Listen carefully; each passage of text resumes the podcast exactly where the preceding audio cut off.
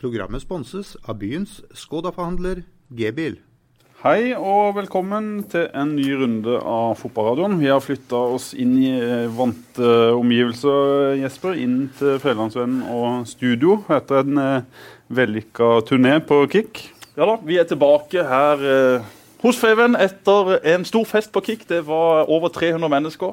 Det var masse god historie, masse latter. Og i dag så skal vi ha en julespesial. Derfor For vi, vi har egentlig, vi har egentlig venta og venta på den, eh, ikke på jul, men på at den nye starttreneren skal bli, bli klar. Og vi hadde egentlig planlagt å ha en eh, ny eh, starttrener inn i fotballradioen før jul og snakke om neste år og fremtida, men eh, Her sitter det. To nye. tida løp fra oss. vi, eh, men altså, det, dette var litt sånn som sist gang, for da, da sa vi også at vi egentlig hadde planlagt å få noen andre gjester. Tom og Fredrik. Men Tom og Fredrik skulle være inn i en julespesial. Hvis vi Ja. skulle hatt en starttrener, så hadde vi tatt han i et ekstraprogram. Men det ser ikke ut som noen skal trene da så derfor har vi invitert Fredrik Strømstad og mannen som er oppkalt etter min lommebok, Tom Bærhus. Feliz Navidad. god jul. God jul. Det er også godt å komme ned her nå, for det at hjemme nå er det et helvete altså, med ei eh, gravid eh, ei gravid er hjemme. altså. Ja, for de som ikke vet det, skal du, du skal bli pappa i slutten av, februar. Det skal jeg. Og eh, altså, Jeg har ikke merka så mye fram til nå, men de siste, siste fem-seks dagene altså, da har alt vært galt. Ja. Og jeg har jo all mulig grunn til å få passe påskrift, for jeg er jo helt håpløs å bo med. Og Den ene kvelden her, det var vel på tirsdag, så lå jo jeg på mobilen. altså Klokka 11 da begynner hjernen min å jobbe. Da er jeg på høygir. Da, da, da er jeg produktiv når det gjelder å jobbe. På kvelden. På kvelden. Ja, Så hun sovna. øh, Så våkna hun, og så så dette lyset fra iPhone. ikke sant? Og det lyser jo, det lyser jo opp litt. Hun spurte meg du, kan du skru av den mobilen, jeg må sove, jeg skal opp tidlig på jobb. Så sier jeg jeg ligger på, på mobilen så lenge jeg sjøl vil. Kanskje ikke det mest eh, diplomatiske svaret i, i den settinga. Det klikker for henne iallfall. Hun løper inn på naborommet, legger seg der. Og jeg vil aldri legge meg som uvenner, for jeg vet jo aldri om begge våkner igjen. Så det er kjipt hvis det er det siste man husker. Så jeg liksom ligger og roper Trine, Trine, må du komme må du komme inn og legge deg? liksom. Må du komme inn og legge deg? Liksom ti minutter, ingen svar. Nei vel, tenker jeg, da må jeg ta, må jeg ta andre knep i bruk. Gå inn, så skrur jeg på lyset. Så bare gå inn og legger meg igjen. Og da må jo hun reise seg, men hun er så sta, så hun blir liggende der i 10-15 minutter. Eh, og så går hun opp og skrur av det lyset, og så hører jeg at døra blir låst. Og da, da, blir, jeg, da blir jeg gravid i niende måned. så da går jeg og så henter jeg støvsugeren. Så, så setter jeg støvsugeren opp etter døra. Opp etter soveromsdøra. Det er jo første gang i mitt liv jeg skulle på en støvsuger. Så skrur jeg på maks, så det bråker noe sinnssykt. Og så går jeg inn og legger meg på, på vårt rom igjen, da, lukker døra. Og hun er så den støvsugeren ligger jo og suser i 15-20 minutter. Og jeg blir mer og mer forbanna, for den holdt jo meg våken, en støvsuger. Skal du ikke ta den sånn, tenkte jeg. Til slutt da, så uh, gikk hun ut, så tok hun støvsugeren og geinta den inn på det tredje soverommet. Og låste døra igjen. Så jeg, ok, nå, Hva sier jeg nå? Nei, Så gikk jeg bort og dirka opp låsen, så dro han med meg inn i senga. og så tok, satt vi oss rundt forhandlingsbordet. Jeg måtte selvfølgelig legge meg helt paddeflat, for det var jo min feil 100% Og så uh, sovna vi, og morgenen etter så, så måtte jeg legge meg flat enda en gang, og så var det greit. så det Det er greit, det er greit for deg at hun ikke hører på dette programmet. ja, hun, hun hører sikkert på det, men altså det, altså, vi må være ærlige. Vi må være åpne om hva som skjer hjemme. Og det er klart at Når du har ei gravid hjemme Jeg har aldri hatt det før. og Hun har vært strålende nå i syv måneder. Fem-seks dager nå ut forbi. I går sa jeg Trine, vi skal fortsette sånn i to måneder. Glem det. Opp i Opp på nivå igjen. I dag våkna hun og var i strålende humør. Så nå Ja, håper vi at det fortsetter. fortsetter. Men dere vet jo hva dette går i, gutter. Ly lykke til til det neste halvannet året hvis en, en liten iPhone og litt uh, ei smågravid dame. Jo, men altså, hør nå her, Det er ikke en liten iPhone. Den iPhonen ligger jo på hver kveld når hun skal prøve å sove. Og det lyser jo opp hele rommet. Men Jesper har noen utfordringer de, etter 28. februar, eller Ja, ja, utfordringer. Men ja, så mye glede òg, selvfølgelig. Men eh, jeg hadde Altså, hun mi var ikke Det var ikke eh, mye surmuling, men du verden, jeg hadde suppe i tre måneder. Og når jeg kom hjem fra trening og hadde lyst på noe god, eh, deilig kjøttstykke eller noe sånt, så var det tomatsuppe, blomkål, brokkoli, asparges. Jeg holdt på å kaste opp. Det var, det var vår eh, greie. Suppe igjen! Og så var det Hæ? Du har middag på bordet! Du må være fornøyd med det! Ja, ja, ja. ja, ja. Men dagen før dette så hadde vi jo kranglet om mat, for Trine lager jo som regel mat. For jeg er ikke så veldig god til det. Eh, og jeg hadde sagt til henne på mandag så sa jeg, denne uka Trine, så skal jeg lage én rett. denne uka. OK, tenkte jeg, hva skal jeg lage?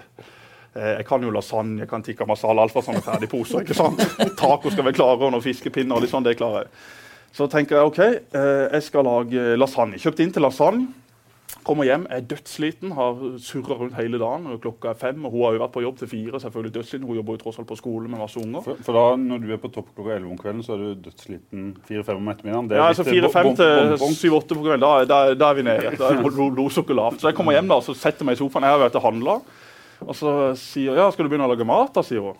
Nei, vet du, jeg orker ikke, jeg må slappe av litt først. liksom, jeg ha en halvtime. Ja, Men jeg er så sulten, jeg må ha mat. Og du sa du skulle lage mat en gang denne uka.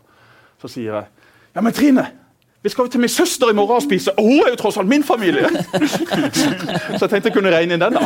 Jeg prøver å lage lasagne, og eh, så henger det altså en nisse på denne vifta hvor hun skal skru på vifta. På den knappen så henger det en nisse. Jeg fatter ikke hvorfor den nissen skal henge der. Så jeg tar den nissen og geiner den gjennom hele huset. Begynner å lage lasagne. Kutter opp eh, paprika, tomat og hiver oppi lasagnen. Og i tillegg så hiver jeg oppi agurk i lasagnen før, altså, før han skal i ovnen. og det har visst aldri noen hørt om før. Men der står jeg altså prøver å lage mat og geiner oppi det ene etter det andre. og tenkte agurk, ja ja, samme det. Jeg har sånn der Nice Dicer Pluss hjemme som er himla effektiv. Forresten et veldig godt julegavetips hvis ikke dere har det hjemme. Gå ut på Claes Olsson eller hvor de selger det, kjøp en Nice Dicer. Himla greit. Men ikke bruk agurk oppi lasagne, for det blir sinnssykt mye vann oppi den lasagnen. Iser, iser. Eh, da, da, apropos mat, da, Fredrik. Da kan vi jo eh, høre med Risdal-brødrene når han skulle lage biff og bearnés. Kan du ikke kjøre den? Den har jeg vel kjørt noen ganger, men, Ja, men den er det, ja. eh, Han kan kjøres igjen. kan vel kjøres igjen, ja. eh. Ja, Risholten, eh, det var vel uh, Spurte han oss, eller om det var det han spurte Han spurte om, hvordan han, først og fremst hvordan han skulle koke poteter. til Han skulle lage biff og bearnés, ja. Så spurte han hvordan han skulle koke poteter. Det var begynnelsen. Ja, potetene, den uh, historien husker jeg ikke, men jeg husker godt uh, for, eh, for den, var jo, eh, den var jo fin. eh. det var jo veldig simpelt, ikke sant? Du kjører jo eh, 100 gram smør, eh, og så eh, lar du det eh, bruse opp litt, og så hiver du oppi pulver. Enkelt. Og så 2,5 dl med mjølk. Og når du har gjort det, så er det jo bare å stå og kokulere og røre litt, så får du jo kanskje den beste sausen i verden. Bearnés. Jeg elsker bearnés. Eh, og dette var jo veldig enkelt for Risholten òg. han kjøpte ei sånn familiepakke og tok eh, 100 gram med smør. Uh, 2,5 dl med, med melk, og så heiv han oppi den familiepakka med, eh, Pulver. med pulver. Og kom jo tilbake dagen etterpå. Du, denne bearnésen, det ble jo, ble jo faen meg bare en deig! Og etter det så vet jeg ikke om han, om han prøvde seg å, la, å lage noe mer bearnés, men altså når du klarer å hive hele familiepakka med pulver oppi altså da, Ja, Istedenfor bare én pose. Ja. Så har han Ja, fire fire poser med pulver. ja, det er jo Men Kai, jeg snakket med Kai før dette showet, måtte ta og sjekke opp i at de historiene vi hadde på han faktisk var om Kai. da. Men Ja. Kai mente jo det at alle historier som ikke har et navn, de bare blir lagt på Risholt. Så det var noen av historiene mine mente nei, det var ikke med. det var ikke med. Nei, men du vet, han har jo en bror òg som, som ikke, ikke tror jeg var kjempe, kjempe på kjøkkenet heller. Nei, jeg tror ikke de to der har uh, Men du traff han jo på, på Harvis en gang, Kai. Ja, ja tenker du sånn Ja. Med de to venninnene av faren, da. Ja, det er jo verdensklasse. Da, da eh, Vi var på Havis. Det var meg og min frue, faktisk. Så da eh, Vi var på vei hjem. Det var eh, begynte å bli litt sånn seint kveld, og så På vei ut så traff jeg Kai med ei blond ei i hver armkrok. Enkelt og greit. Og så eh, hvit linbukse. Rød lingenser kneppa opp ned til navlen med et heavy gullkjede. Og ei med hvitt hår i hver arm. Og så sier jeg ja, jeg skal si du har ordna det, sa jeg til han. Så står han og drar de godt inn til seg, og så kikker han på de, begge to, inn i øynene, og så ser han på meg, så sier han Og her er det for ca. 100 000 i silikon. og så bare, bare gikk han videre inn. Og da skulle han ta det. Og det så Vi må være litt seriøse, og det er jo et uh, fotballprogram. Hvis ikke kunne jeg, jeg, jeg kunne vel egentlig gått ut i dag, selvfølgelig. Jeg kunne sitte her og Ja, snakke med, vi må snakke litt fotball. Vi må ha en oppsummering, må vi ikke det? Av året. syns jeg. Ja da. Hva er sånn lokalfotballmessig, Fredrik, hva er ditt uh, høydepunkt? Du har jo uh, spilt for Don 2 og, og Don i år. Eh, ja, spilte bare et par kamper for, for A-laget, og så har jeg vært med på Don 2.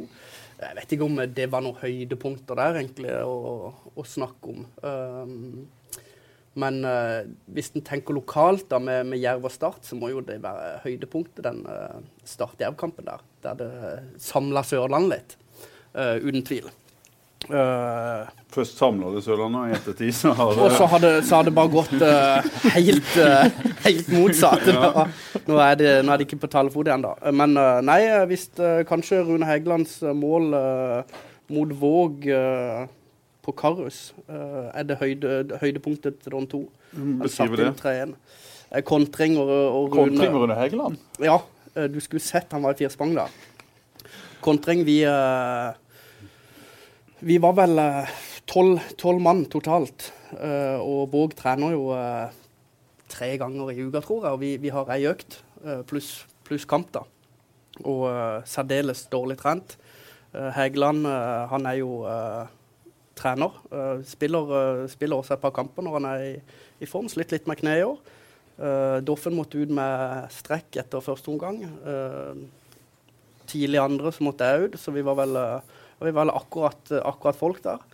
Og uh, helt på slutten, det var ti minutter igjen, og Hegeland uh, dro seg inn på bak, uh, bakerste stolpe etter ei kanonkontring og bare breis han i mål. Og bare tok imot jubelen på, på tribunen. Og uh, 3-1-seier der, tror jeg, som vi dro i land. Altså, Rune Hægeland, så Rune Hegeland, altså, grunnen til at, det er litt rart at han er på ei kontring, er jo at han er, jo, han er, han er høyere enn meg. Han er større enn meg. Ja. Eh, Han har sin store styrke i boksen ved etablert angrepsspill. Litt sånn som Andreas Ottosson, som er hans store forbilde på Ja, fotballbanen. eh, helt riktig. Og, og Rune er jo um, men, men selv om vi, vi på en måte, vi sleit jo veldig i andre omgang, ble spilt veldig lave, så ligger jo Rune og fisker helt på offside-grensa for det om. Så han hadde jo ikke så lang vei som, som Det er vel den i Agder som har skjelt ut flest og mest dommere. Ja, han spesielt på, på, på håndballbanen så, så er det fortsatt dommere som kommer hen til han og, og skjeller han ut fordi at de har hatt noen ufine opplevelser med, med Hegeland junior der på, på banen. Han, han har roa seg litt med tida, men uh, han har skjelt uh, Han har skjelt ut så mye dommere at det er Har også Han har skjelt ut, også skjelt folk, ut folk som ikke er dommere. Ja, det har han. Men, Men det er eh, noe jeg lurer på dere Ja. som på en måte har spilt på høyt nivå. Når dere nå, eh, Tom, du spiller for Tigerberg og du for Don 2. Når, når du opplever sånne ting, de, de følelsene knytta til det, hvordan er det i forhold til på toppnivå? Øh, nei, det er jo, det er jo ikke øh, Hva skal jeg si for noe? Jeg får jo ikke den kjempefølelsen hvis en vinner en kamp eller taper en kamp. Nå er det på en måte Ja, det betyr ikke så mye, men det er jo gøy, det er gøy å spille. Det er gøy å, å drible og lure andre og slå en god pasning i ny og ne. Ja. Så, så det, det er jo gøy å spille. Det betyr ikke Nei, det betyr uh, veldig lite. Men det er, jo, det er jo gøyere å vinne enn å tape, selvfølgelig. Men det er jo ikke, det er jo ikke sånn at hvis du, hvis du taper en kamp, så er du, så er du sur og grinete i tre dager. Så, så det er ganske stor, øh, stor forskjell fra, fra sånn det var tidligere. Ja, jeg, jeg kan klikke i vinkelet. Enda. Ja, ja. Så når jeg går ut på banen, så går jeg ut på banen for å vinne. Og hvis det da blir noe eh, vas og vi slipper inn et billig mål, så blir jeg jo forbanna. ja. Det Jo, det gjør han jo, men, men det er jo ikke eh, sånn etter, etter kampen så er det jo ikke sånn sur og grinete. Der er jeg i hvert fall ikke. Men, men når kampen er i gang og, og pulsen eh, stiger til, til 2.10, så er det jo klart at det da da, da er han jo på, da skal han jo vinne, men, men eh, Nei, det, det roer seg fort. Ja, det roer seg fort, men eh, jeg kan godt si det om mulig i garderoben. Så jeg prøver jeg å riste det av meg før jeg kommer hjem til mor. Sånn at ikke det går utover. Jeg tar med Tigerberget. Det, det bør ikke gå utover de hjemme. Hvis du har tapt og kommer hjem til suppe, da smeller det.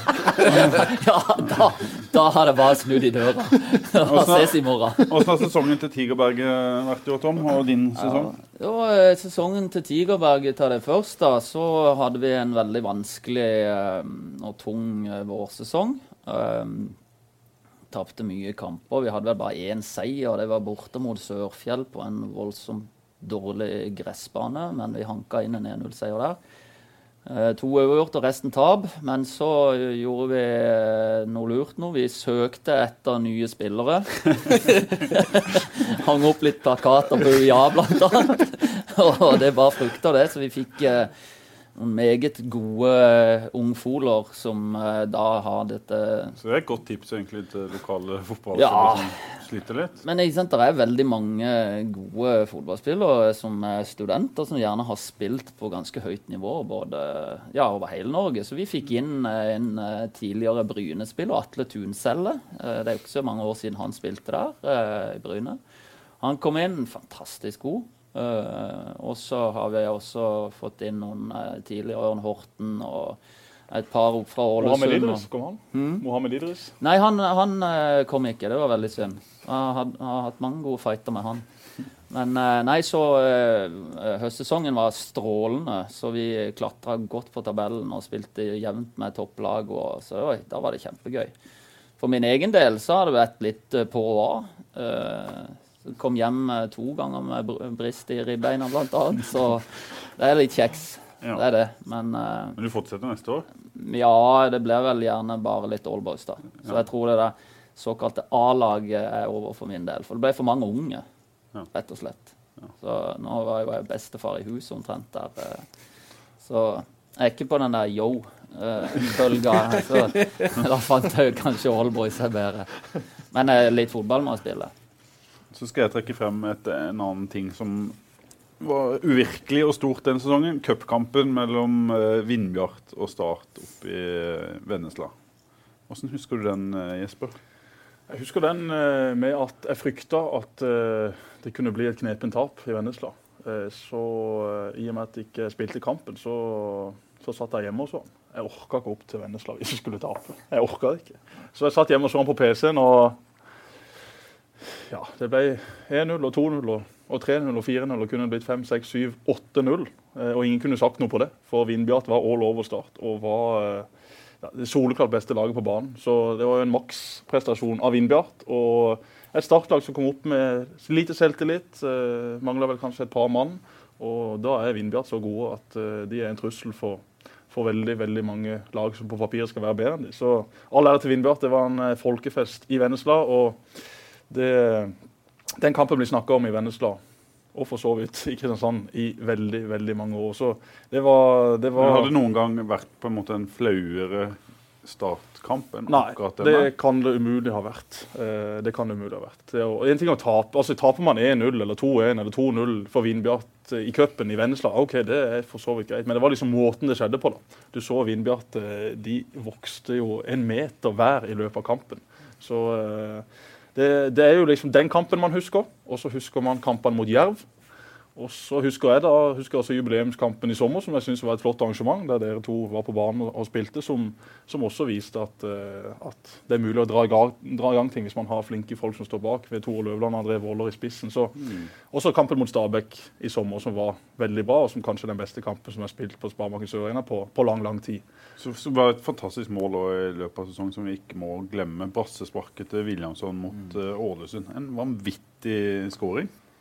Ja, litt fantastisk. Ja, Det er vilt bare at han prøver, han prøver på det. Og skal tenke så raskt, og så bare Du, liksom, Du treffer uh, ei og hundre ganger på sånn. Litt, litt synd for han, for det er jo på en måte noe som kanskje ville vært høydepunktet i en eh, sesong, en sånn ting, men så drukner det jo både i negative og, og positive ting.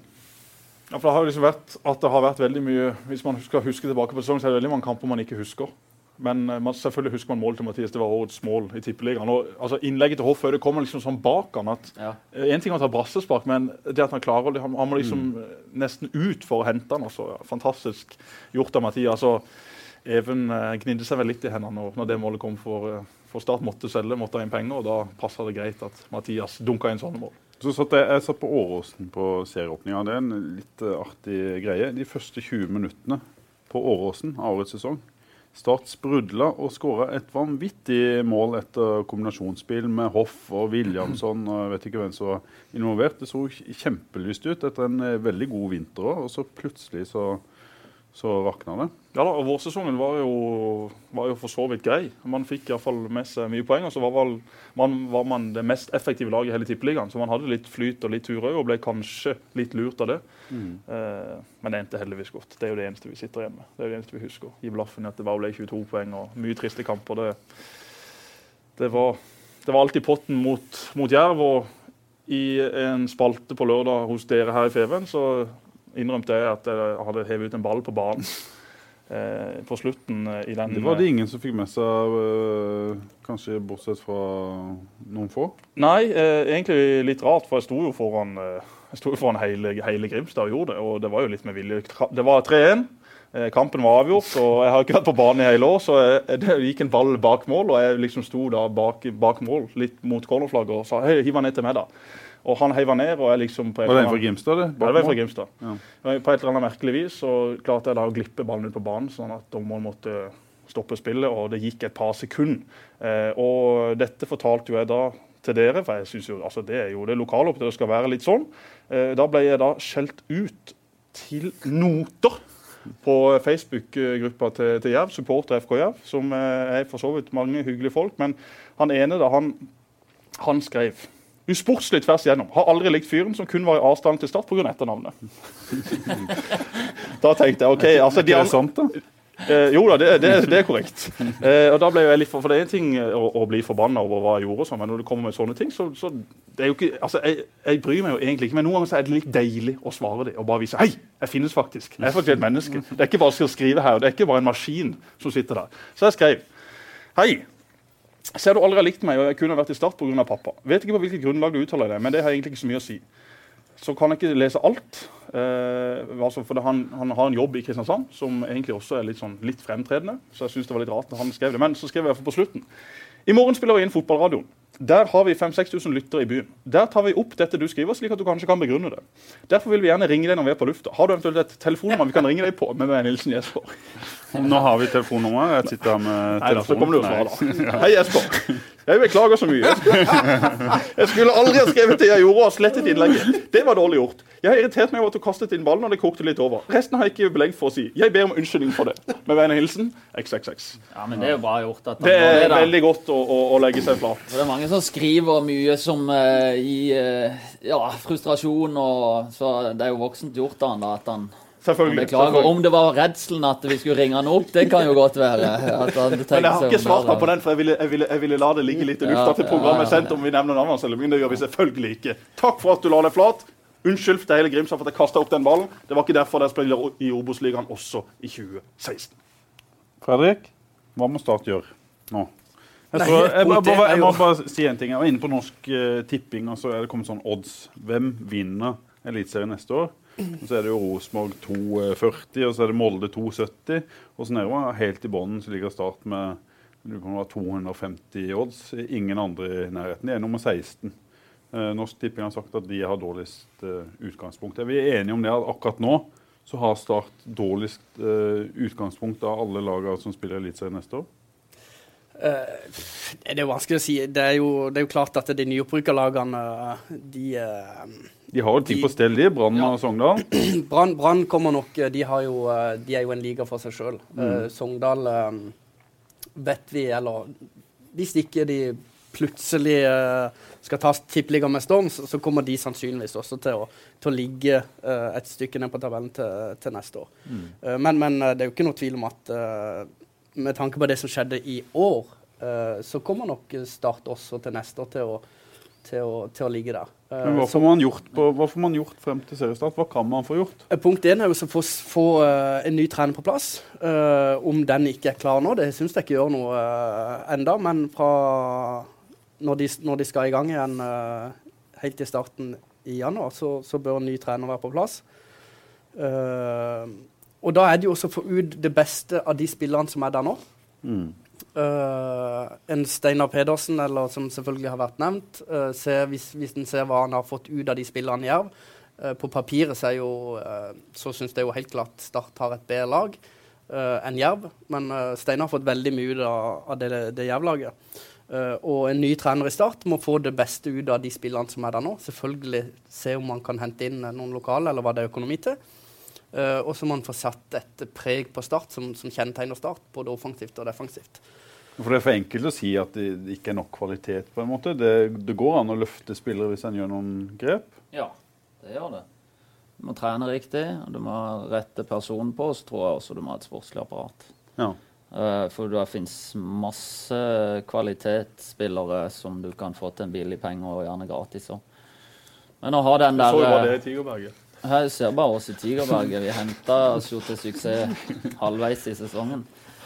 Nei, men det er klart, det. Og så altså du ser, De som er veldig flinke til å sette sammen et lag og treffe de riktige typene og få det beste ut av de, det, du kan utrette mirakler av det. Eh, Og på så- kort tid. Ja, på kort tid, selvfølgelig kan du det. Men du må ha en trener med entusiasme, en veldig klar uh, filosofi. Vite nøyaktig hva du skal gjøre. Dette, og så må du få med deg gjengen til så at de også tror på opplegget ditt. Du må selge inn et budskap. Det er jo det Ja, viktigste. det er jo det. Tom var jo superflink på det til oss. Altså, vi gikk jo fra nesten nedrykk til, til andredivisjon, uh, selv om dette er mange år siden. Uh, men gjorde en fryktelig sesong i 2003. Tre. Eh, og så seila vi gjennom alt i 2004. Vi fikk inn Ballagarba Balagarba og Valencia. Nei, Atle Roa. Vi fikk inn tre-fire spillere. Og Atle hadde spilt førstedivisjon. Uh, ja, Bala hadde jo vært uh, i svensk Nei, Dere hadde i utgangspunktet ikke noen så det var ikke noe, nei, det var Nei ikke det. det var ikke Men han, han, Tom løfta jo alle til, til et nytt nivå. Det kan selvfølgelig en ny trener også, også klare med dette, med dette laget her. Mener dere at, at Steinar bør være mannen, eller? Ja, det syns jeg egentlig de som sitter og styrer, eh, skal finne ut hvem som, hvem som er best egnet. Det ser ut som at Steinar blir vanskelig å få inn, så jeg håper de jobber med andre kandidater. Sånn at ikke de kommer i januar og så fortsatt håper at Steinar skal, skal være hva der. Men jeg tror- Steinar kan være en, en god mann. Hva er grunnen til at ikke de nevner noen andre kandidater, da? Er det, er det noen som vet noe om det? Jesper vet sikkert mye om det. Nei, Det er vel fordi de vil holde det, det hemmelig. Ja, men det er jo Ja, bra men at de klarer. Hvorfor vil de holde det hemmelig? Altså, Det er jo ikke noen andre tippeligaklubber som kommer til å snappe dem, for alle tippeligaklubbene utenom Start har trener. Altså Er det farlig å si det? Jeg syns jo det er litt rart òg at ikke ja, Det kan jo godt være de har det, men kandidater ut forbi Norge, da? Altså Danske, svenske trenere. Det må jo være vanvittig mye kvalitet der ute som ikke er altfor dyrt. Jeg vet jo at det står på penger og alt dette her, men Steinar skal jo òg ha sin lønn. De har jo helt sikkert eh, også utenlandske kandidater, tipper jeg. Og så jobber de vel eh, for å få Steinar Pedersen klar. Det er vel, de har vel gått ut og sagt at han er førstevalg så lenge ting ikke er avklart der. Så det har vel ennå ikke kommet signal om at den ballen er lagt helt, eh, helt død. Nei da, de jobber vel stille i kulissene der. De gjør nok det. Altså, men uh, Du blir veldig stille nå, Jesper. ja. Jesper vet uh, ganske mye. Nei da, men selvfølgelig, det, jobbes, det, det, det må jo jobbes med flere alternativer, selv om det er uttalt at Steinar er et førstevalg. Og, og så vet man jo, vet man jo ennå ikke hva som skjer der. Men uh, det ser ut til at det, det kan bli vanskelig. Og så må det jo selvfølgelig jobbes med, med alternativer både i Norge og i utlandet. og det det gjøres jo også. Jeg er jo en gruppe som har jobba med dette siden i sommer. Så den eh, lista er det helt sikkert kandidater også i utlandet på. Så det blir iallfall spennende å se. Og jeg kan jo forstå Norsk Tipping som setter Start som, som det dårligste laget akkurat nå. For hvis man ser på hvem som spilte i Tippeligaen i 2015 ok, Sandefjord og Mjøndalen de røyk ned. Hvis du tar bort de, så var Start det dårligste laget. Så jeg kommer opp Sogndal og Brann, som er veldig mye bedre enn det Sandefjord og Mjøndalen var. I tillegg så har Start eh, ingen trener. og er vel det laget som ligger sånn lengst bak eh, med tanke på planlegginga. Selvfølgelig. for det at Så er det bare trener på plass. 14-15 spillere vel også. neste sesong. Det må vel fort inn en 4-5 nye. Nå har Mats Stokkelin bl.a. sagt at han eh, ikke blir med, med videre. Eh, Ja, men er det ikke litt sånn at hvis en, eh, hvis en nå sier at vi må ha en ny spiss, hvis en treffer på den spissen skikkelig, noe, kan ikke det være en ting som kan redde en hel sesong i Eliteserien? Jo da, selvfølgelig. Du så på Stabæk eh, før fjorårssesongen òg, når de igjen skulle bygge opp et lag. Da var de tippa sist mm. av veldig mange. Eh, når vi kom til januar, også i februar, så kommer det plutselig inn tre-fire spillere, og så tar de plutselig sølv. Så eh, det er veldig få ting som skal til, men man må treffe på, på det man henter, og det er jo alfa og omega. Og treffer du på en spiss, eh, sånn som i 2004, når det ble opprykk, da traff jo Start og Tom og, og hele gjengen ekstremt på de spillerne som ble henta. Altså Atle kom inn og, og var jo King Kong i det midtforsvaret fra første sekund. Og Balagaba var- ble henta. Balagaba var også King Det var Kong. Ben Wright kanskje som skåra flest mål. Programmet blir sponset av byens Skoda-forhandler G-bil. Ja, Ben skåret jo skåret godt med mål, han òg, fra sin venstre kantposisjon. Men det handler jo om eh, hva Tom gjorde på treningene. Treningsarbeidet var jo ekstremt nøye. Altså, det var så terping på detaljer som eh, jeg aldri har opplevd før. Så Vi kunne jo spille en kamp i blinde nesten. Vi visste jo nøyaktig hva vi skulle gjøre. Hva var det du skulle gjøre? Eh, ingenting. Jeg var jo ute og inn av laget. Nei. Men hvis du spilte Nei, jeg, så, den jeg, dype jeg var jo den dype og skulle ja, så mer eller mindre holde hver gang. da. Altså, Vi skulle jo aldri tømme oss totalt, selv om vi skulle kjøre på med kanter og bekker og indreløper. Men vi hadde jo to propeller. Jeg hadde jo Fredrik på den ene sida og Doffen på den andre. Så de løp nok framover i boksen. Så var det det å tenke også kontring imot. At eh, jeg lå der og holdt. og og så den litt usynlige rollen. Men uh, sette i gang spillet var jo min oppgave, bl.a. Inn og hente ballen, gjerne fra bekkene, gjøre gjør meg synlig. Vi hadde jo våre løp rundt og i ring og fram og tilbake. Det var helt vilt. Og du forholdt deg mye til eh, høyrebekken og høyrevingen. Det var på en måte Dere satt opp trekant og Ja. Ja, det var, det var jo det. Være, være spillbar uh, når, når Beck hadde ballen, da skulle jeg være inne i banen. Og hadde midtstopperballen, skulle jeg være bredere. Og når Tom hadde ballen, skulle være brei. Så du, du visste jo på en måte hvor, hvor den skulle være hele, Men hele vi, tida. vi gikk jo. Vi, vi brukte jo tid på å gå gjennom formasjonene våre på, på Dønnestad. Så det trengte ikke å være tempo i, det, i, mye, i mye av det vi gjorde, men vi måtte bare vite rollene våre helt nøyaktig. Husker du en gang på Dønnestad når Atle skøyt ned Tom? Tom For å si det sånn, Hvis det hadde vært meg eller Marius, så hadde det ikke vært her i dag. Men siden det var Atle Jeg hadde sånn en coachingøkt hvor man gikk gjennom eh, spillvariantene. og Atle skulle da slå langpasning og bomma, og traff Tom om det var i ryggen eller Hiring for your small business? If you're not looking for professionals on LinkedIn, you're looking in the wrong place. That's like looking for your car keys in a fish tank. LinkedIn helps you hire professionals you can't find anywhere else, even those who aren't actively searching for a new job but might be open to the perfect role. In a given month, over 70% of LinkedIn users don't even visit other leading job sites. So start looking in the right place. With LinkedIn, you can hire professionals like a professional. Post your free job on linkedin.com/people slash people today. bakhuet. Og Tom fly forbanna, snur seg, ser at Atle stiller rolig. det var eneste som kunne redda det. Ja, Han har vært, vært veldig på det at jeg må behandle folk forskjellig. Du var en av de som fikk eh, kjørt deg, Fredrik. Ja, jeg fikk, eh, fikk godt med pebber hver dag. Så det var, det var heavy, det. det var, Du, du ble lei. Uh, ja, du ble jo, ja, du ble jo etter hvert så blir du jo lei, for det, at det, det er jo ikke alt som er berettiga. Altså, hvis du slår ei feilpasning, så trenger du ikke å bli skjelt ut eh, etter noter. Um, for du gjør jo ikke det med, med vilje. Uh, og du er jo hele, hele veien konsentrert, så, så det, var, det var mye pepper eh, eh, som på en måte eh, Husker du alle fikk pepper på stadion den gangen? Når Marius ikke hadde på seg leggbeskytter? Ja, jeg fikk jo pepper for det òg, jeg. Ja. Du fikk pepper fordi Marius ikke hadde på seg leggbeskytter? ja, for det Marius skyldte på meg at det var jeg Ja, hadde, men Historien er også nær. Det er trening på eh, Trening gamle på- ærverdige Kristiansand stadion. ja, eh, 11 mot 11 skal inn i spillet. Skal alle ha på seg leggbeskyttere. Ja, det var, det, var, eh, det var sånn det var. Og vi hadde noen uh, Umbro-leggskinn som vi hadde fått delt ut. Og uh, jeg gikk og henta mine etter uh, oppvarming. Tok, tok på de.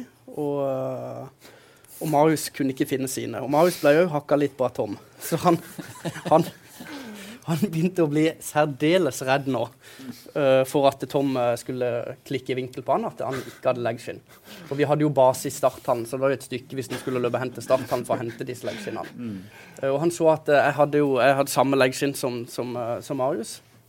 Du har stjålet mine, sier han. Nei, nei, det, det, det er Og Her var treninga stoppa, og Tom hadde satt seg ned i midtsirkelen. Treninga fortsatte ikke før alle hadde på seg leggskinn. Og Marius er helt 100% sikker på at uh, de leggskinnene, det er hans sine. Nei, nei, nei, det er ikke mine. Jeg bare tok de på meg, og så løp jeg mot midtsekken. For jeg skulle jo ikke ha kjeft for at de ikke hadde leggskinn. Jeg var jo livredd. Og Marius mente sånn at når vi fikk denne beskjeden, så var det bare all, hver en skulle bare redde, redde hver enkelt. Ikke sant? Så det var, bare, det var som løp for livet for å finne, få tak i et par leggbeskyttere, og så tilbake til midten. Og Tom, ja, Tom satt vel i kvarter i, i midtsirkelen der og, og venta på at eh, alle skulle Og Marius måtte vel gå hen til, til Thomas og si da jeg har ikke, jeg har ikke, jeg har ikke leggskinn. Og fikk veie ei Nei, overhøvling. nei, nei, det som skjedde var at uh, Tom sitter i midten. Uh, treninga stoppa, fortsetter ikke før. Marius driver og mener at noen andre har tatt han. For noen har stjålet de, og liksom går rundt til hver enkelt. Og så ender det opp med at Marius må da bort og ta en siste kikk. Og der løfter han opp en genser, og der ligger legebeskytteren hans. og da måtte han bort og beklage seg for Tom. og treninga fortsatte. Men du, hadde en, eh, du fortalte meg før showet på, på Kick eh, at, at du hadde hatt en Som viste litt sånn hvordan Tom var. Eh, Du hadde disputt på La Manga. Eh, Ja, det var Ja, altså, jeg er jo engasjert når jeg spiller, og det er det jo mange som har fått føle på av min vrede òg. Men det var Vi spilte Skulle ha litt tempo på trening og litt Ja, kjøre på litt hardt, da. Og, og da delte han gjerne opp i tre mot tre eller fire mot fire for å få, få litt trøkk. Eh, og jeg ble jo feid ned så til de grader, og skulle jo selvfølgelig ha frispark, men eh, Tom, han uh, Spill videre, da, pingle! og da ble jo jeg Da lyser det jo rødt i mine øyne. Så jeg reiste meg opp, og så gjorde jeg igjen det. Jeg klippa jo ned uh, karen, uh, og da blåser Tom. Og det hjelper jo ikke for meg da, vet du. Så, så går jeg hen til han, og så står jeg foran han, og så spør jeg hvorfor ikke han blåste. Nei, du må tåle litt, sier han. Ja, det gjør jeg, men ikke sånn spark. Hvorfor blåser du når jeg sparker? For det var, det var ufint, du skal aldri gjøre igjen, sier han. Så sa jeg, du dømmer som ei F, prikk, prikk, prikk, prikk, prikk. Så sa han, takk for i dag, sa han. Så jeg, hæ? Du er ferdig på trening i dag, sier han. Ja vel, og der står jo en gjeng av dere journalister litt bort forbi og lurer på hva som skjedde nå. Så sa jeg at jeg hadde bare ei føling bak i, i låret på en liten strekk, så jeg måtte bare gi meg. Uh, men der var, der var jo Tom fin med meg, da, for etterpå så gikk jeg bort for å beklage når vi satt i matsalen. Der hadde han bare en svær tallerken med salat.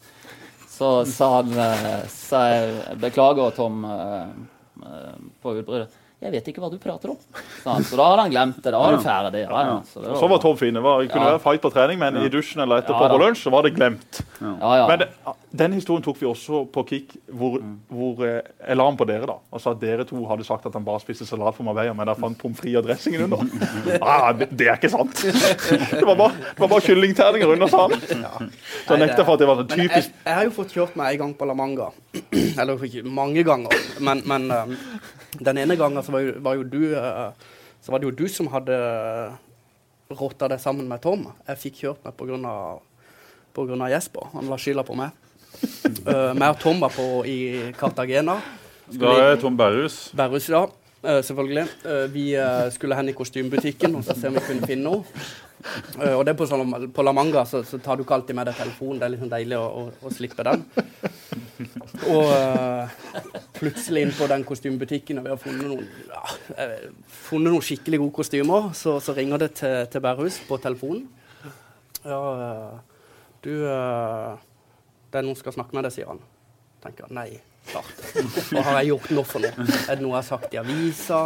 Var det noe som skjedde på trening? Et eller annet. Så visste jo det var Nordli som ringte. Hallo, Tom. Hva i helvete er det du har sagt til Jesper? sier han. Hæ? Og, og historien var da at eh, jeg ble jo skjelt ut av Tom eh, Nordli. På grunn av eh, Jesper. Han eh, var eh, invitert til Feino på prøvespill. Og eh, han hadde liksom rådført seg litt med meg og hva jeg syntes om dette. Så sier jeg det må jo være kjempeerfaring å komme ned til Feino og se hvordan de trener. og Du vet aldri hva det kan bli ut av det. Og så hadde Nordli da igjen snakka med Jesper og så sagt eh, nei, det er ikke noe, det er ikke noe særlig å, å dra ned der. Så nei, men eh, jeg vil gjerne dette, og kanskje sånn. Og Fredrik òg syntes det var veldig positivt. og når han sa det, da kom telefonen. Jeg fikk høre det, vet du. Så det var jo bare Tom, jeg tror vi må bare tilbake til La Manga. Så hele dagen var jo ødelagt, vet du.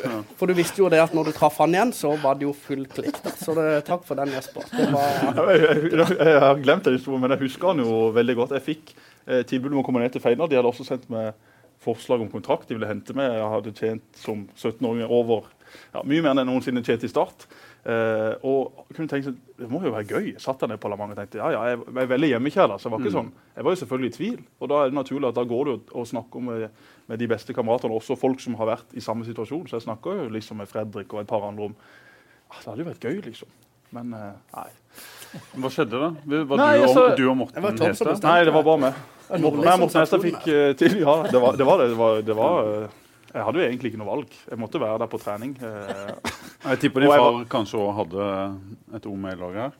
Ja, altså han, han så jo gjerne at jeg kunne reise, men det var jo opp til meg sjøl og opp til staten. Mm. ville ikke legge seg for mye opp i det, for det var liksom sånn litt vanskelig, litt vanskelig setting. Men jeg snakker selvfølgelig også med han, og jeg kunne godt tenkt meg å ha reist. Jeg kunne det, men eh, det ble ikke noe av det. Det var, det, var noen, det var noen føtter som ble satt ned, som gjorde det vanskelig. Og det var klart, så viktig som jeg var på den tida, var 17-18 år. og varma jo benken mm. veldig godt. Så ja. Men du trodde, du mente sjøl kanskje at du fortjente å spille med på den tida, eller? Eh, Ja, det gjorde jeg. Det gjorde jeg. Men jeg var jo ikke god nok til å spille fast på det laget, men at jeg kunne fått noen innhopp og, og fått noe mer erfaring, det Mm. syns jeg jo absolutt. Og på trening så, så var det ofte eh, bra nok. Men jeg var, ikke, jeg, var ikke, jeg var ikke god nok på den tida. Og det var jo ikke det letteste laget å spille seg inn på heller. Fredrik, hvor mange sånne henvendelser hadde du i løpet av, av karrieren? Liksom når du var på høyden og på landslag og sånne ting, var det mye eh, Det var jo mye snakk om forskjellige klubber, og du endte opp i Frankrike og sånne ting. Men hvor mange valg hadde du før den eh, tid? Uh, nei, hvor mange valg eh, Jeg prøvde egentlig ikke å så eh, det, er ikke, det er jo ikke folk som ringer til deg. eh, sånn. Du hadde Stig Lillejord som Ja, eh, så det var på en måte okay. han eh, Stig eh, som var fin, fin i den settinga der og tok egentlig alt av henvendelser. Så, så jeg Du fikk jo vite en del underveis. Jo, men det, som jeg sa til Stig, at jeg trenger ikke vite hvis det er noen som er interessert. Hvis det blir noe konkret fra utlandet, eller et eller annet sånt, så, så kan du selvfølgelig uh, så må du selvfølgelig gi beskjed. Men uh, Hvor mange konkrete ting var det, da? nei, det var noen, selvfølgelig. Noe i Russland. Uh, St. Petersburg, som var en mulighet. Gjet, seg bare. Det har du aldri klart. Det. Nei, altså det, det, var, det, var, det var egentlig bare si, si nei på, på sekunder. Det var, Ja.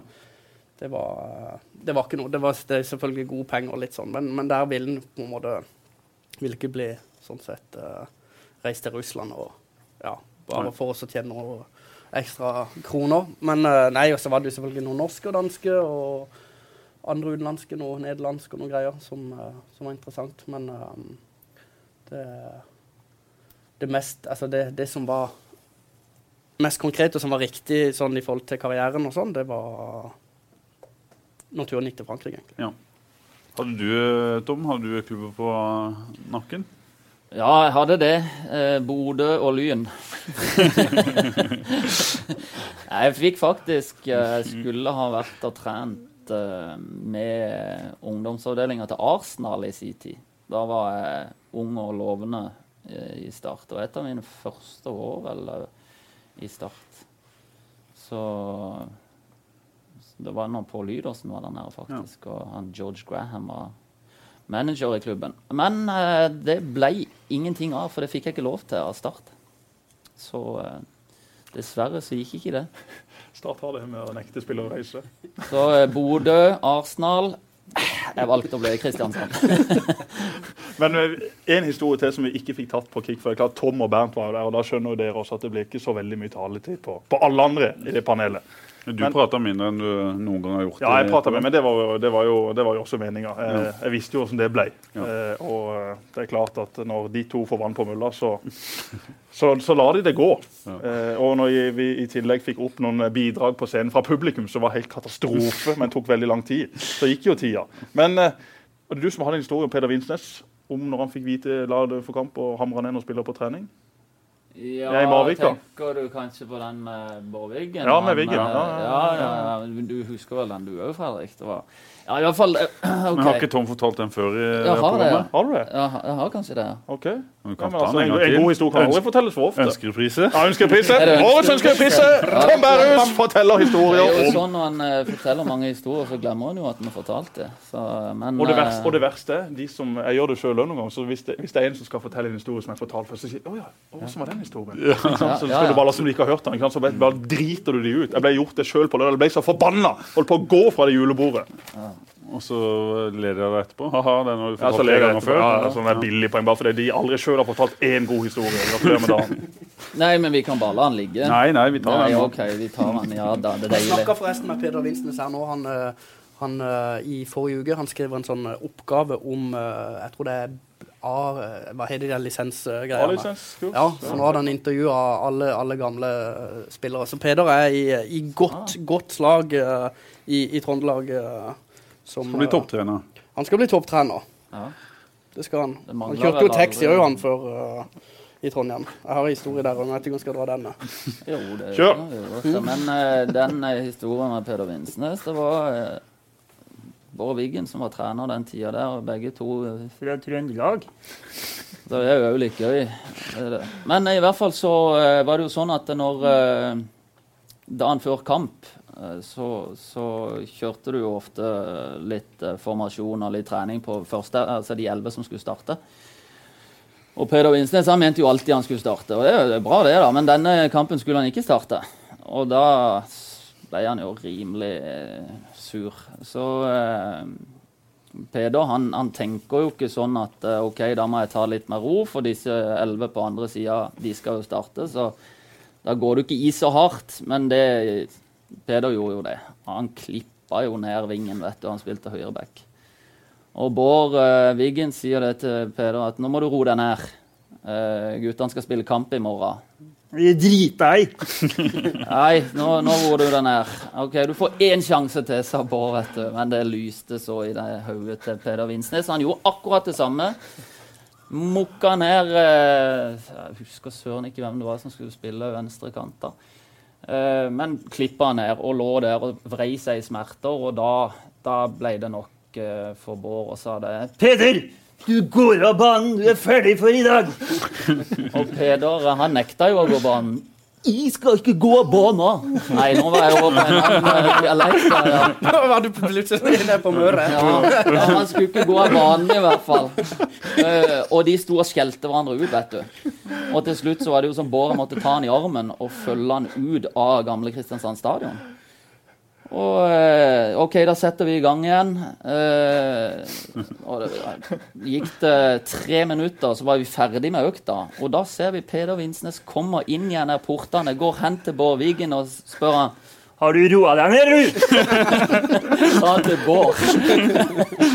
ja, det var fantastisk. Har du en historie om Uh, om Peder er litt ufin, men, men um, ja, Peder er en fantastisk god gutt. Ja, er, han, han, tåler noen, han tåler noen gøye historier. det er jo han sjøl som har fortalt den til meg. Han, um, han uh, spilte i, i, Sverige. Jeg husker ikke helt klubben. Uh, Sylvia. Landskrona. Sylvia var det. Sylvia, ja. ja.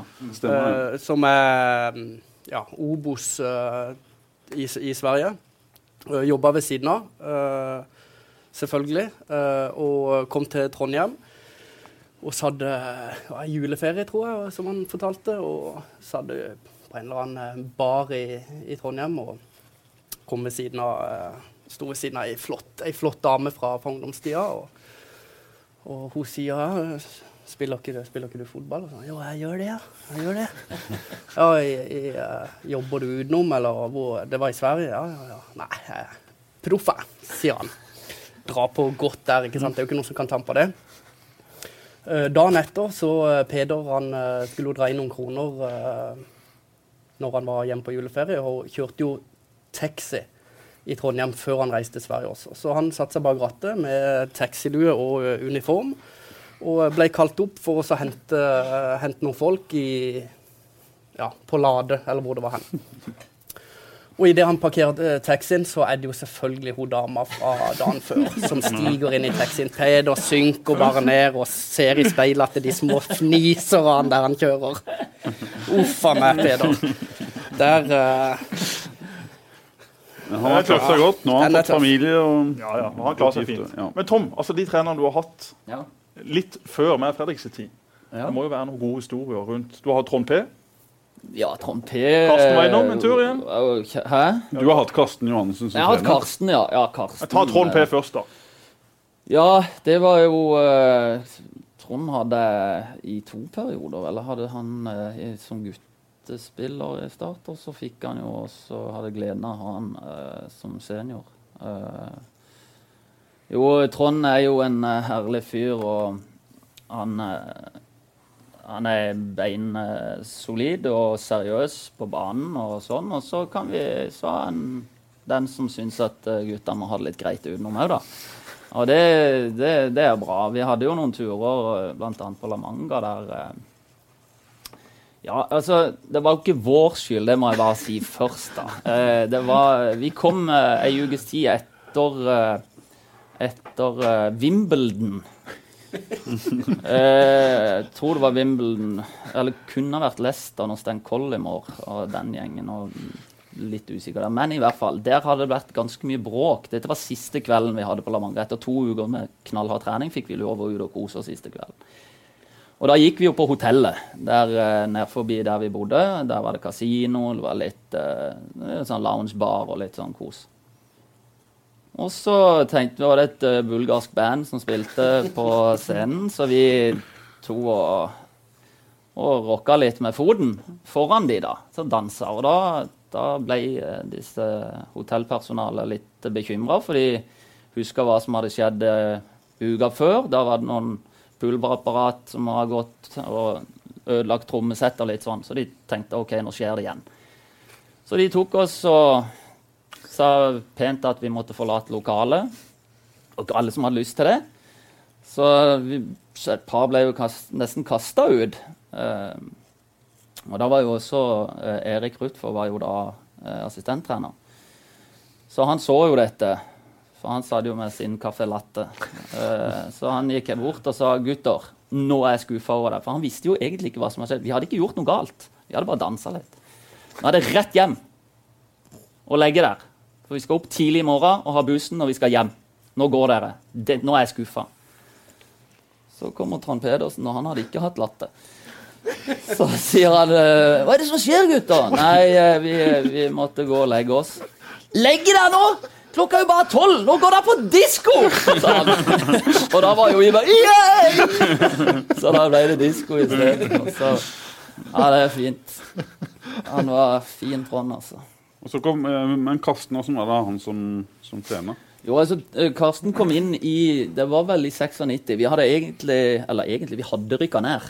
Eh, så det var vel sånn ja, Kanskje teoretisk at vi hadde hatt en mulighet. Men, så han ble henta inn på høstparten for å skape litt humør i gruppa. For det, vi hadde jo tapt og tapt og tapt. Det var jo ikke akkurat jubel.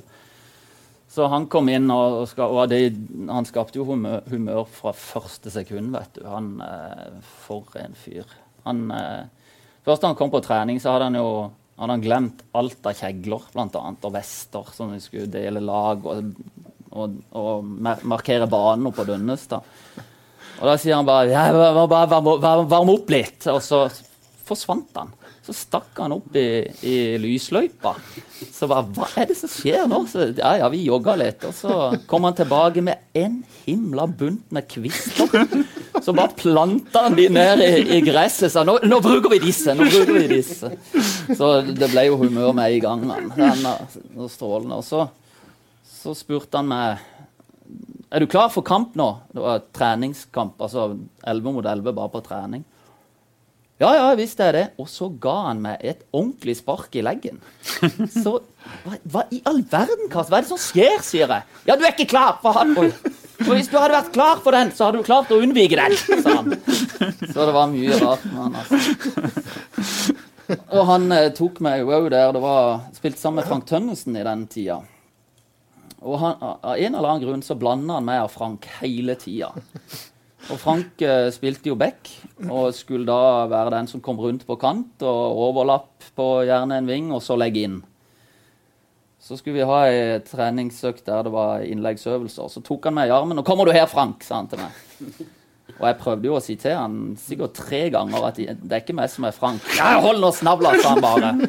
Og jeg, ja, ja, ja, ja. Og så sier så legger du inn sånn. Så viste han åssen du skulle legge inn. OK, da slår dere ut på Frank, sier han. Så sier jeg Karsten. Nå må du høre. Stopp opp og hør hva jeg sier. Det er ikke meg som er Frank. Ja, gjør du her, da?! sa han. så det var helt nydelig. Så, jo, jeg har hatt så sinnssykt mange trenere opp igjennom at uh, det er mye historie. Men disse spillerne på den tida, da, med, med, med, med Trond og med Karsten, og også med Gudjon som Tordarsson, som ja. som sendte det til Bærum. Jeg var på julebord med Fredrik Jacobsen og Ole Gerhard Sørensen på lørdag. Det var jo to av de som ble løfta fram Ja. under han. Og for det, de var jo over 1,90, og det var jo det som skulle til. Ja, og Fredrik var jo 1,5 meter, så han ble jo sendt rett til Bærum. Og Terje Leonardsen pusta med ræva, var det ikke det han sa?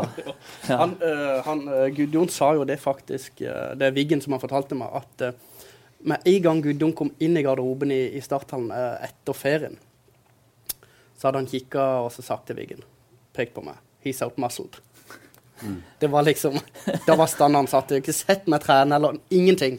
Og da var han, eh, da var han ferdig. Så, så fotballen er, er brutal sånn. Det, det, det betyr at en eh, har en trener som tror på den. Men det Det betydde ingen kanskje noe for din karriere å bli sendt Uh, Ja, det var mye sånn sett negativitet i start på den tida i forhold til at en tapte mye kamper. Og uh, jeg kom til Bærum, og vi rykka opp til, til Obos-ligaen fra andredivisjon. Så, uh, så for meg så var det jo en opptur egentlig fra sommeren og til, til vi var ferdig. Du fikk spille på et relativt høyt nivå som kanskje passa deg akkurat Ja. der og da?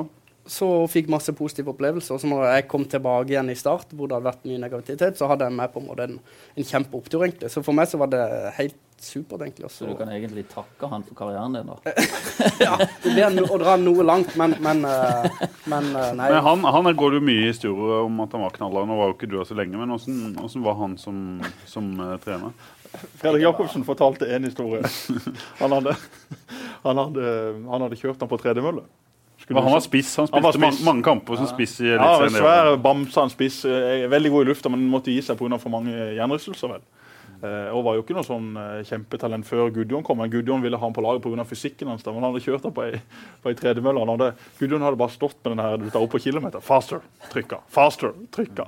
Og han måtte altså løpe til slutt. Så trynte han på mølla og føyk i veggen bak. Han kjørte han bare. Det var, altså, det var helt til det var stopp. Det var ikke snakk om å gå av mølla. Det var bare faster, faster, faster.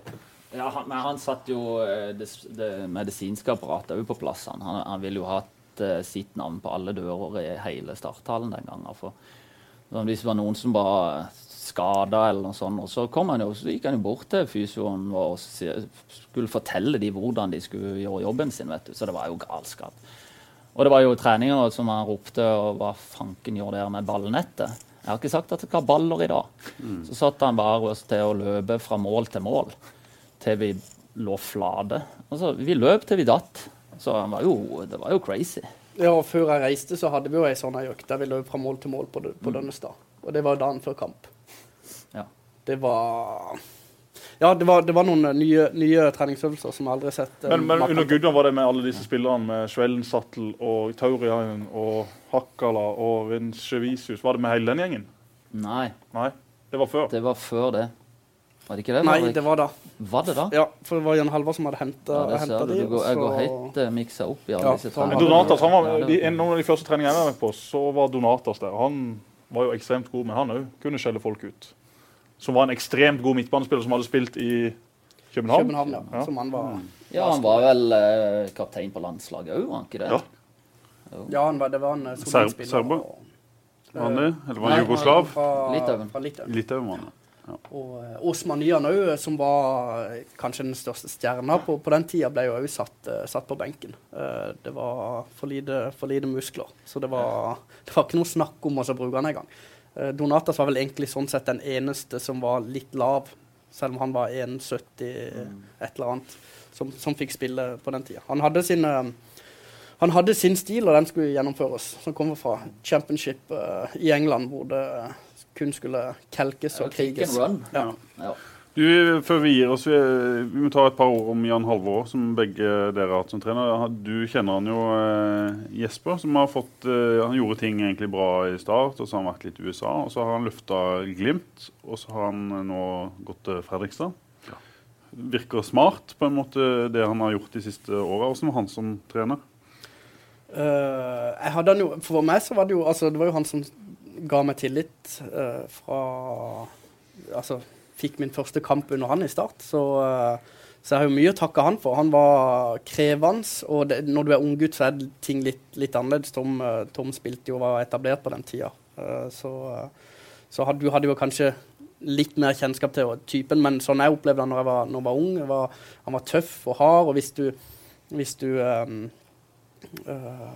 Hvis du ikke var inne på laget sånn, så ble du satt litt til sida. Fra ut, utsida så ser han ut som en sånn veldig koselig, hyggelig, trivelig, litt mild eh, person, men han var altså ikke Han det. var gans, ganske hard, men, men han og Bård Wiggen uh, de uh, matcha opp veldig bra i forhold til at uh, Jan Halvor var den harde, og så strøyk uh, strøk Bård Wiggen der litt, litt på kinnet. Så, så det var en, eh, en god, en god miks der. Og Jan Halvard har sikkert utviklet seg kjempemye fra, fra den tida der. Så han, eh, han har, eh, han har um, 4-3-3. eh, som, han, som han skal spille, og har tydelige roller og, og vet hvordan han vil spille. Så en, en god trener som sikkert også har, som en ser på Glimt, har utvikla seg Det eh, er bra videre. litt uh, gøy og sånn forskjellen.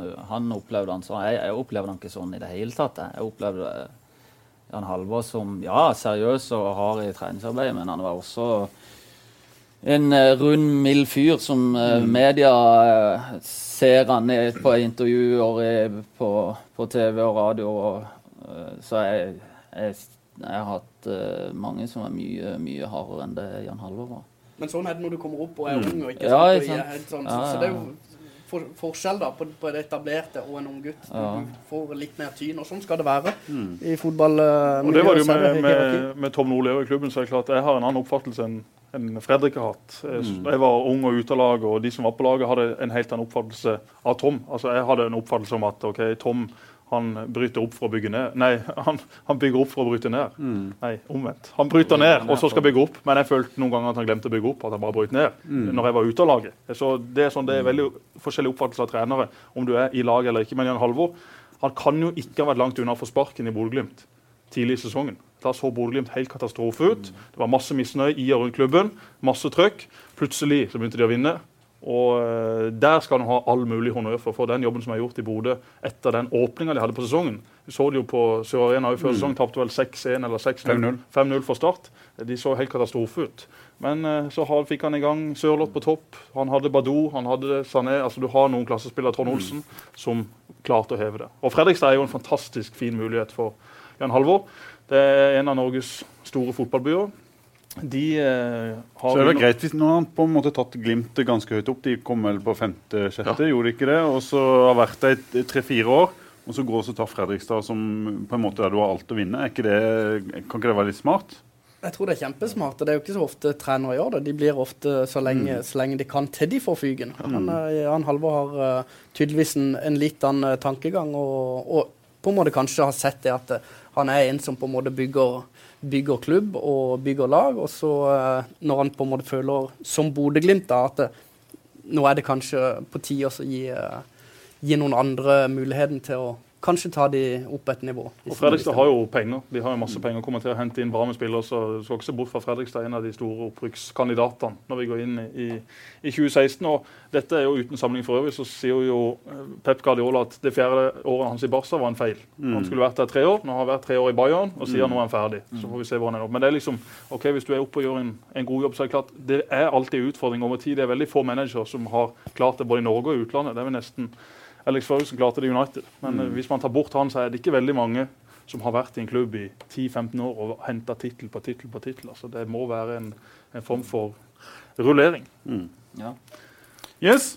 Vi setter strek der, og så sier vi bare god jul til alle som har hørt på. Så um, satser vi på å være, å, å være tilbake neste år, og da må vi ha med den nye starttreneren eh, Jesper. Håper jo at vi får med en ny starttrener på nyåret. Så vi lover han i første program. Kan vi ikke bare Jo. gjøre det med en gang? Og eh, så må vi jo avslutte nå, for Fredrik og Tom har jo ennå ikke fått seg denne her Easy Park-appen på iPhone, som gjør at du kan bare forlenge parkeringstida di. Så for å unngå å få bøter og fra Ivan den grusomme, som er byens verste parkeringsvakt, så, Så må vi stoppe. så må vi rett og slett stoppe. Men Ja. takk for at jeg kunne komme. Var hyggelig. Var hyggelig. Men uh, hvis det, er at det er noen som ikke kan møte, så kan vi godt møte. Det er greit. Det er greit med Fredrik og. Greit. Takk for nå, god jul. Takk for det. God jul og godt nyttår! God jul.